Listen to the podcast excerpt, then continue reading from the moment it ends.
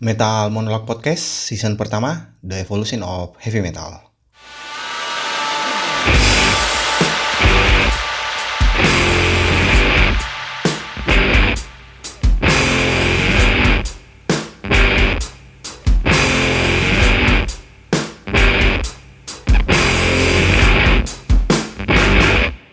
Oke, ini dia season pertama dari Metal Monolog Podcast, The Evolution of Heavy Metal. Episode pertama juga, Metal Connection. Dan buat yang belum tahu ini podcast apaan, dengerin dulu podcast introduction sebelumnya karena di situ gua ngejelasin bahwa podcast ini akan ngebahas apa aja ke depannya. Oke, kita mulai aja episode Mental Connection. Jadi di episode Mental Connection ini kita akan membahas bagaimana asal muasal dari uh, musik heavy metal itu sendiri dan untuk bisa memahami bagaimana musik heavy metal itu terbentuk seperti yang kita kenal saat ini, kita tuh harus balik ke zaman masa di mana sebelum musik metal itu terbentuk karena sebenarnya ada banyak sekali jenis musik yang menjadi influence menjadi semacam lead foundation dari terbentuknya musik metal itu sendiri. Paling nggak ada empat musik yang mempengaruhi terbentuknya musik metal yaitu ada musik klasik, blues, jazz, dan rock and roll. Nah, di episode Metal Connection ini kita akan ngebahas keempat musik itu soal bagaimana pengaruhnya terhadap terbentuknya musik metal. Dan kita mulai dulu dari musik klasik. Oh ya, sebelum gue lebih jauh, gue pengen menyamakan persepsi dulu, membuat standarisasi dulu bahwa musik klasik yang gue maksud di sini tuh bukan musik klasik yang ya mungkin yang sering lu dengar di hotel, di spa, karena ya ya itu cuma musik relaksasi gitu, musik relaksasi yang terinspirasi oleh musik klasik karena musik klasik yang gue maksud di sini adalah musik klasik yang terbentuk di era-era Renaissance di Eropa di sekitar abad 17. Jadi musik klasik karya karya-karya macam Richard Wagner, John Sebastian Bach, Tchaikovsky, Beethoven dan sejenisnya. Uh, jadi kita persamakan persepsi dulu nih biar lebih gampang ke depannya. Nah, sekarang untuk memahami bagaimana koneksi antara musik klasik dengan musik metal itu, kita harus melihat bagaimana proses terbentuknya band heavy metal pertama itu. Dan adapun band heavy metal pertama di dunia itu adalah Black Sabbath, oke? Okay? Gue paham ketika gue bilang Black Sabbath adalah band metal pertama di dunia, tentu akan banyak yang nggak setuju karena beberapa orang menganggap bahwa sebenarnya band metal pertama itu adalah Stephen Wolf. Alasannya karena Stephen Wolf punya lagu yang judulnya Born to Be Wild, di mana di dalam lirik lagunya tuh ada kalimat I like smoke and lightning, heavy metal thunder. Nah, kalimat heavy metal thunder itulah yang menjadi dasar sehingga beberapa orang menyebut Stephen Wolf sebagai band heavy metal pertama di dunia. Padahal ya, kalau kita mau melihat secara teknis, Stephen Wolf di lagu Born to Be Wild itu sebenarnya mereka memainkan musik rock ya, musik garage rock lebih tepatnya. Dan secara teknis tuh mereka nggak mendefinisikan apa-apa soal musik metal. Bahwa benar dalam lirik lagunya ada kata heavy metal, tapi itu cuma sebatas terminologi aja gitu, itu cuma sebatas kata, nggak mendefinisikan apa-apa. Sementara beberapa tahun kemudian, Black Sabbath, mereka mampu mendefinisikan musik metal secara teknis. Oke, jadi cukup perdebatan soal siapa band heavy metal pertama di dunia. Udah, Black Sabbath. Nah, sekarang kita lihat bagaimana proses band Black Sabbath itu bisa terbentuk dan relasinya terhadap musik klasik. Jadi salah satu pendiri Black Sabbath, Geezer Butler, yang main bass, Geezer Butler itu kan dia adalah seorang yang sangat bisa dibilang sangat-sangat adiksi terhadap hal-hal yang bersifat mistis. Jadi dia itu penggemar berat sama film horor. Nah, suatu hari dia punya ide nih bahwa kalau orang-orang bisa adiksi terhadap film horor, kenapa sih orang-orang gak bisa adiksi terhadap musik horor? Masalahnya adalah saat itu orang-orang belum bisa mentranslasikan bahwa musik horor itu musik kayak apa gitu. Karena referensi orang-orang saat itu soal musik horor iya cuma sekedar musik-musik yang muncul di scoring-scoring film yang saat hantunya muncul terus ada background musik serem. Jadi ya cuma itu referensi orang-orang di saat itu soal musik horor. Mereka belum pernah melihat atau mendengar musik horor secara utuh gitu musik horor sebagai sebuah kesatuan sebagai sebuah musik sebagai sebuah lagu. Nah ide inilah yang coba dikembangkan oleh Geezer Butler. Dan pertanyaannya Kenapa sih ada orang yang pengen bikin musik kayak gitu? Ini tuh nggak terlepas dari latar belakang kelas ekonomi sosial. Jadi Black Sabbath itu kan ada empat orang personilnya. Ada Geezer Butler yang main bass, Ozzy Osbourne, vokalisnya, Tony Iommi yang main gitar, sama Bill Ward drummernya. Nah, latar belakang sosial ekonomi keempat orang ini tuh adalah kelas pekerja. Mereka tuh buruh di pabrik karena mereka kan tinggalnya di Birmingham, di UK dan Birmingham itu sendiri terkenal sebagai salah satu kota industri, salah satu kota-kota awal ketika revolusi industri itu pertama muncul. Jadi mereka berempat tuh hidup sebagai seorang buruh yang ya lu tau lah bagaimana kehidupan kelas para pekerja gitu. Jadi mereka tuh pengen sebagai seorang anak muda yang jiwa berontaknya tuh lagi memuncak. Mereka tuh pengen menciptakan semacam apa ya? Semacam antitesis terhadap pop culture. Karena saat itu kan pop culture didominasi oleh nuansa-nuansa yang apa? Yang menciptakan perspektif bahwa betapa indahnya hidup, betapa indahnya cinta, romansa dan segala macamnya ya sampai sekarang masih sih jadi mereka tuh pengen kasih tahu ke orang-orang bahwa mereka tuh nggak ngalamin hal-hal kayak gitu bahwa yang mereka alami sebagai seorang pekerja berbanding terbalik dengan apa yang disampaikan oleh budaya-budaya pop. Jadi ya namanya kelas pekerja ya kehidupannya nggak jauh dari rasa-rasa putus asa, rasa ketakutan akan masa depan, jaminan sosial dan segala macamnya karena kan undang-undang ketenaga kerjaan di Inggris saat itu belum sebaik sekarang gitu. Nah, isi hati yang mereka selama ini alami itu mereka pengen ungkapkan dalam bentuk musik. Dan cara untuk menyampaikan agar pesannya bisa sampai ke pendengar dengan baik, ya mereka anggap dengan menciptakan musik yang bernuansa gelap, bernuansa horor gitu. Lalu gimana sih cara untuk secara teknis mendefinisikan musik yang gelap, musik yang horor itu? Karena balik lagi orang-orang di zaman itu belum pernah mendengar seperti apa musik yang gelap gitu. Nah, para personil Black Sabbath kemudian memutuskan untuk menciptakan semacam formula soal musiknya di mana musik yang punya tempo yang lambat karena menurut mereka tempo yang lambat itu bisa menciptakan kesan horor. Ditambah dengan riff-riff gitarnya juga itu yang agak berat, agak tebal, efek dari gitarnya Tony Iommi yang dicun agak rendah sehingga menciptakan suara yang agak kasar. Nah sekarang kalau lu perhatiin musik-musiknya Black Sabbath, musik-musik yang dengan teknik dengan tempo yang lambat itu, dengan riff gitar yang berat itu, lalu lu bandingin ke musik-musik klasik, maka lu akan mulai menemukan koneksi di sana. Coba deh uh, lu dengerin musik-musik karya Richard Wagner misalnya. Itu tuh musiknya horor banget sih sebenarnya meskipun pakai biola, tapi itu menciptakan nuansa yang horor. Nah, bedanya dengan Black Sabbath adalah karena Black Sabbath tuh mereka memainkan musik dengan sistem kelistrikan gitu.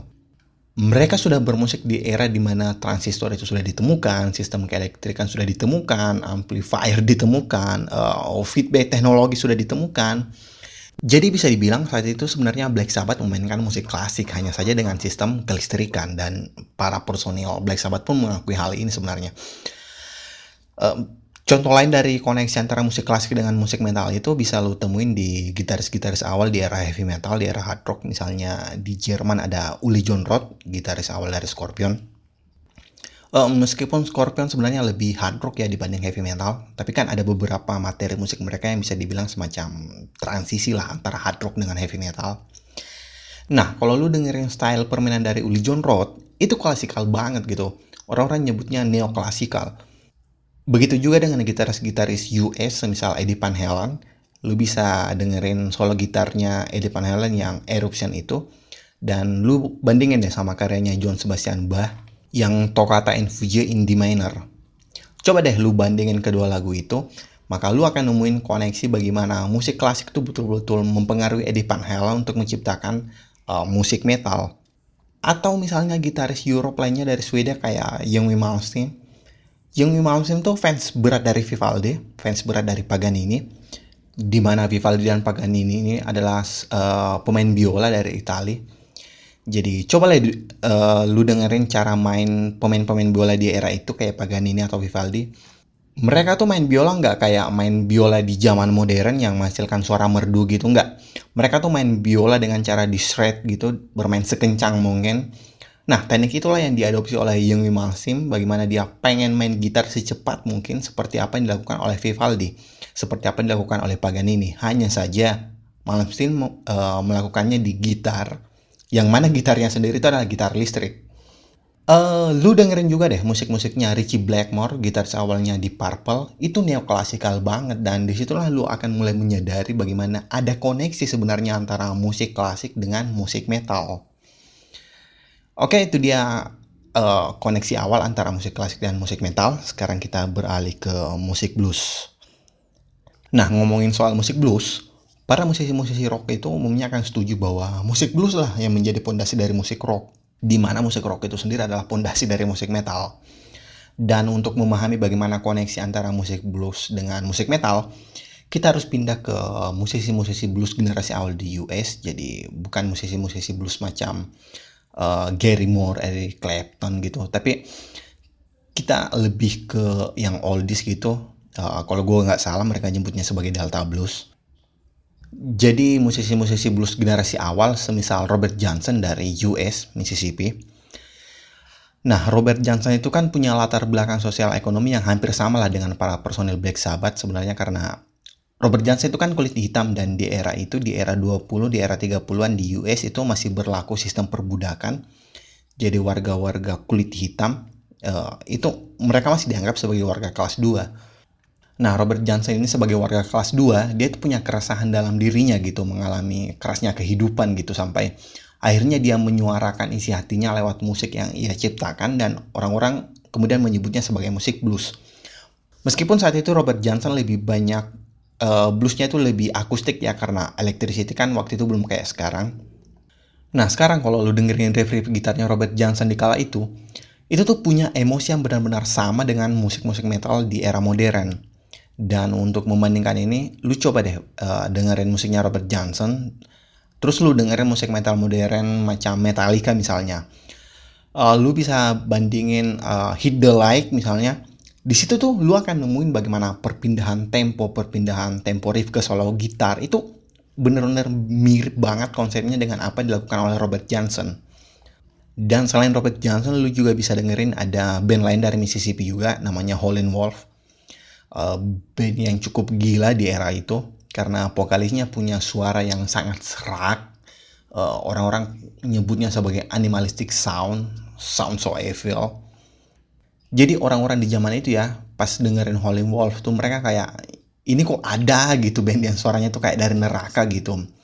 Dan animalistic sound persi Howlin' Wolf itu sendiri yang menjadi arsitek dari terbentuknya vokal ikonik dari Motorhead dari seorang Lemmy Kilmister uh, itulah contoh sederhana bagaimana blues bisa mempengaruhi musisi-musisi metal termasuk Tony Iommi ya dia tuh blues banget dan bedanya Tony Iommi dengan Robert Johnson adalah meskipun mereka sama-sama memainkan musik blues hanya saja Tony Iommi itu dia gitarnya dicun dengan lebih rendah gitu berbeda dengan para gitaris blues di era awal namun soal konsep bagaimana perpindahan tempo, perpindahan solo, riff, emosi, semuanya itu punya identitas yang sama antara blues dengan metal modern. Nah, itu dia bagaimana koneksi antara musik blues dengan musik metal, lalu bagaimana dengan koneksi antara jazz terhadap metal. Uh, jujur aja, gue tuh nggak pernah menyadari apalagi terpikirkan sedikit pun bahwa musik jazz punya koneksi yang sangat-sangat besar terhadap terbentuknya musik metal. Uh, perlu gue jelasin juga bahwa musik jazz yang gue maksud di sini tuh bukan musik jazz kayak yang musik jazz modern yang sering lu lihat di Japa Jazz gitu, Japa Jazz Festival kayak Raisa atau Isyana bukan musik jazz yang gua maksud di sini tuh musik jazz di era 50-an yang kalau lu nonton di YouTube tuh ada banyak biasa pemain saksofonnya di belakang bisa 5 sampai 10 orang satu grup. Nah, gue mulai menyadari bagaimana jazz betul-betul berpengaruh terhadap terbentuknya musik metal ketika gue dengerin dua albumnya Megadeth yang pemain drumnya tuh Gar Samuelson sama satu lagi uh, Chris Poland gue mulai dengerin album itu dan ngerasa kok main drum kedua drummer ini beda banget gitu sama drummer-drummer thrash metal pada umumnya kayak uh, Lars Ulrich misalnya. Lalu gue search lebih jauh soal background kedua drummer itu dan ternyata Gar Samuelson sama Chris Polan itu emang punya background jazz gitu dan uh, wajar lah permainan drum mereka itu agak swing. Dan lagi-lagi gue yang terlambat menyadari relasi jazz dengan musik metal karena sejak awal terbentuknya musik metal lagi-lagi Black Sabbath. Drummernya tuh Bill Ward sebenarnya orangnya jazzy banget sih. Jadi kalau lu dengerin lagunya Black Sabbath misalnya Ferris Wheel Boots, itu swing banget itu itu jazzy banget. Atau musik lainnya kayak Sweet Leaf. Nah, di Sweet Leaf itu, Bill Ward tuh mainnya nggak hanya main beat strike 4 per 4 aja gitu, tapi bisa dibilang beatnya malah hampir hip hop gitu. Sehingga efek dari lagu Sweet Leaf itu agak-agak swing dan agak-agak funky. Dan itulah bukti nyata bagaimana musik jazz itu benar-benar mengilhami para drummer-drummer musik metal. Atau untuk era modern misalnya drummer-drummer metal kayak Dave Lombardo atau Paul Bostaph itu jazzy banget orangnya. Uh, di beberapa interview, Dave Lombardo sendiri mengakui bahwa dia fans berat dari seorang drummer jazz yang namanya Buddy Rich. Lu bisa search video-videonya di YouTube. Buddy Rich ini punya band namanya Buddy Rich and Friend, Buddy Rich and His Band atau apalah sejenis itu. Uh, lu aja di YouTube. Nah, Buddy Rich ini dia punya band tapi sebagai seorang drummer justru dia yang jadi leadernya. Jadi ada banyak solo drum yang sering dia mainkan dan solo drum itulah yang diadaptasi oleh Dave Lombardo di Slayer. Ya meskipun sekarang dia bukan lagi drummernya Slayer ya. Nah selain dari sisi drum, lu kalau lihat band-band jazz klasik yang kayak gua sebut sebelumnya yang punya 5-10 pemain saxophone, lu akan sering lihat di tengah-tengah lagu terjadi transisi di mana pemain saksofonnya tuh solo. Orang-orang sering menyebutnya sebagai masturbation solo karena mereka solo tanpa memikirkan lagi bahwa mereka sebenarnya ada di sebuah band di mana ada personil lain sebenarnya namun mereka tetap asik solo 5 sampai 10 menit panjangnya.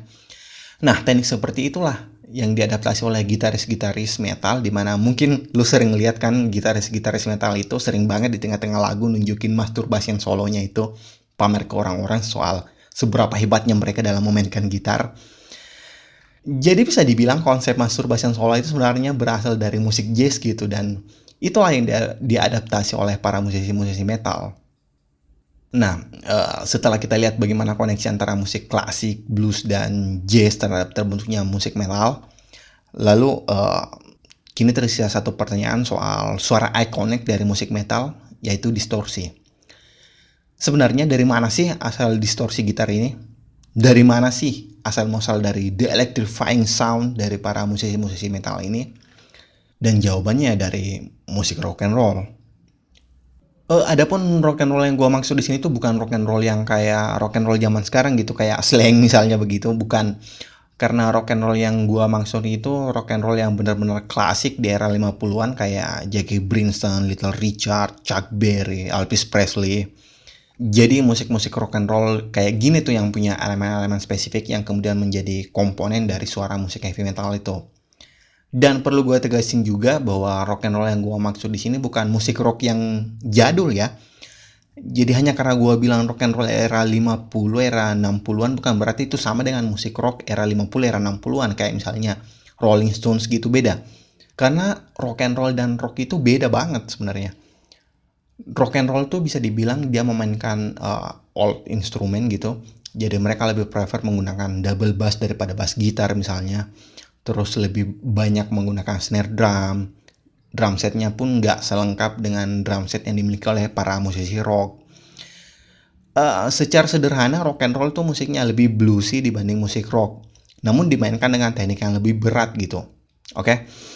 Tapi sebelum kita ngebahas lebih jauh soal pengaruh dari musik rock and roll terhadap terbentuknya musik heavy metal, uh, kita rehat sejenak dulu.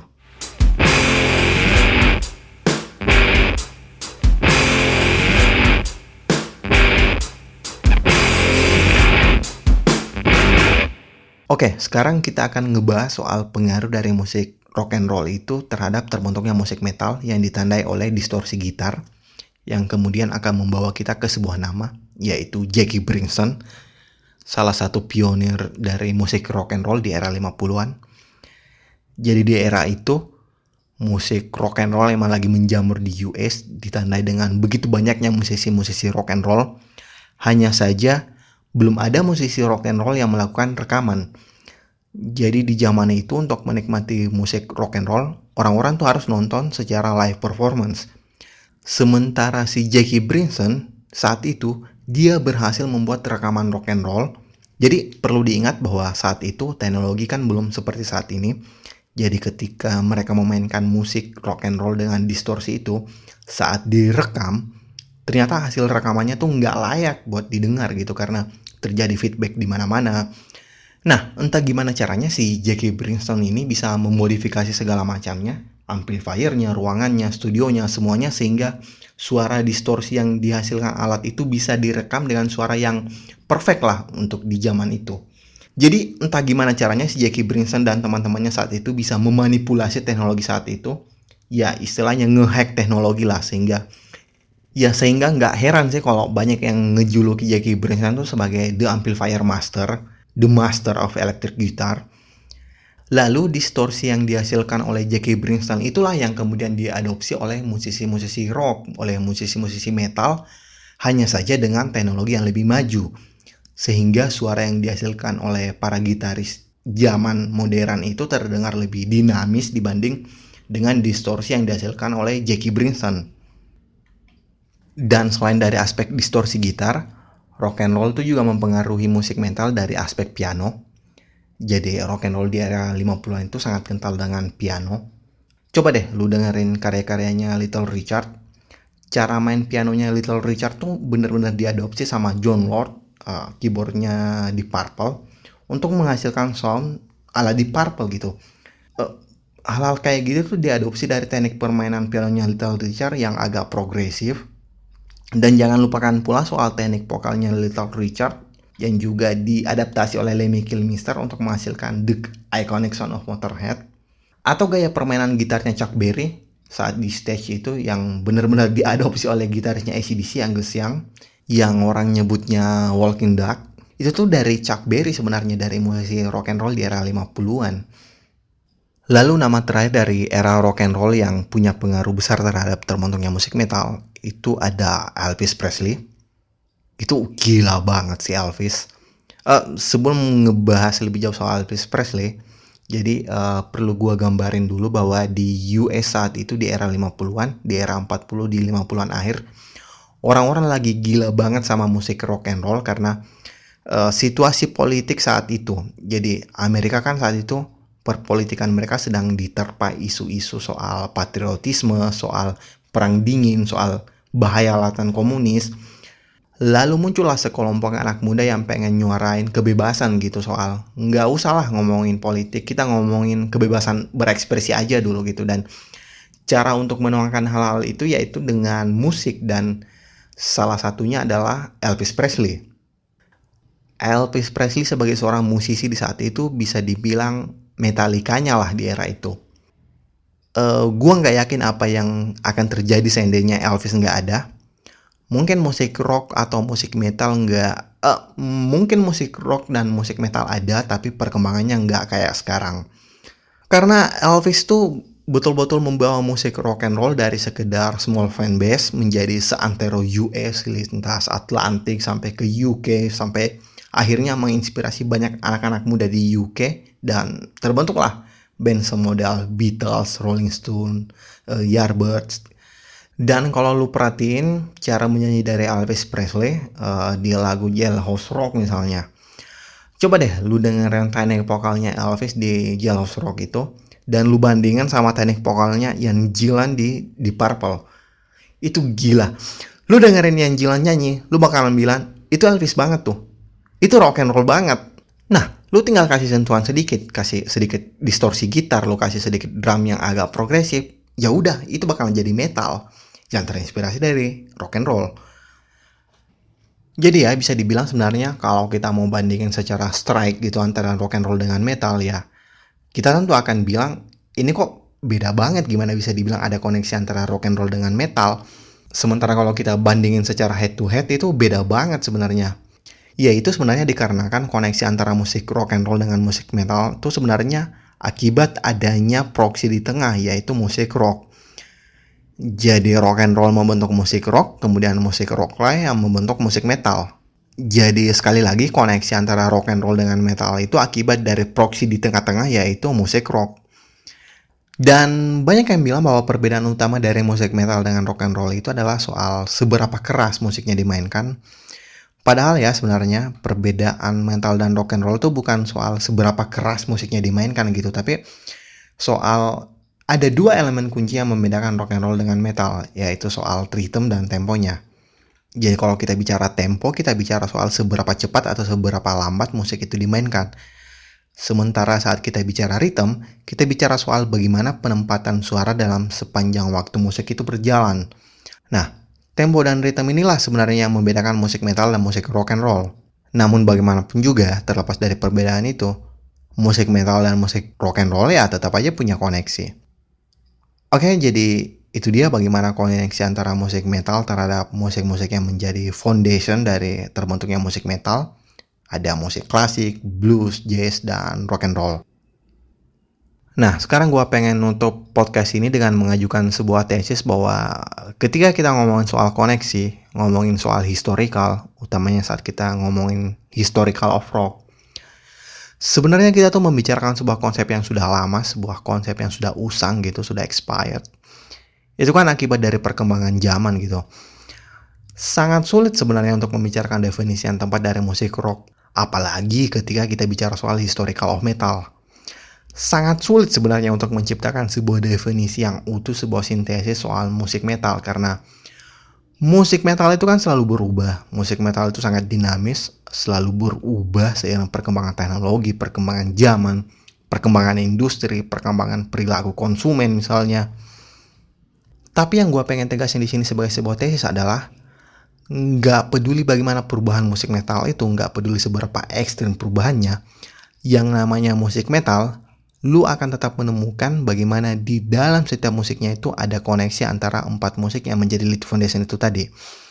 Oke, jadi nggak peduli banyak atau sedikit influence dari musik klasik, blues, jazz, dan rock and roll dalam sebuah musik metal, tetap saja musik metal punya koneksi terhadap keempat musik tersebut.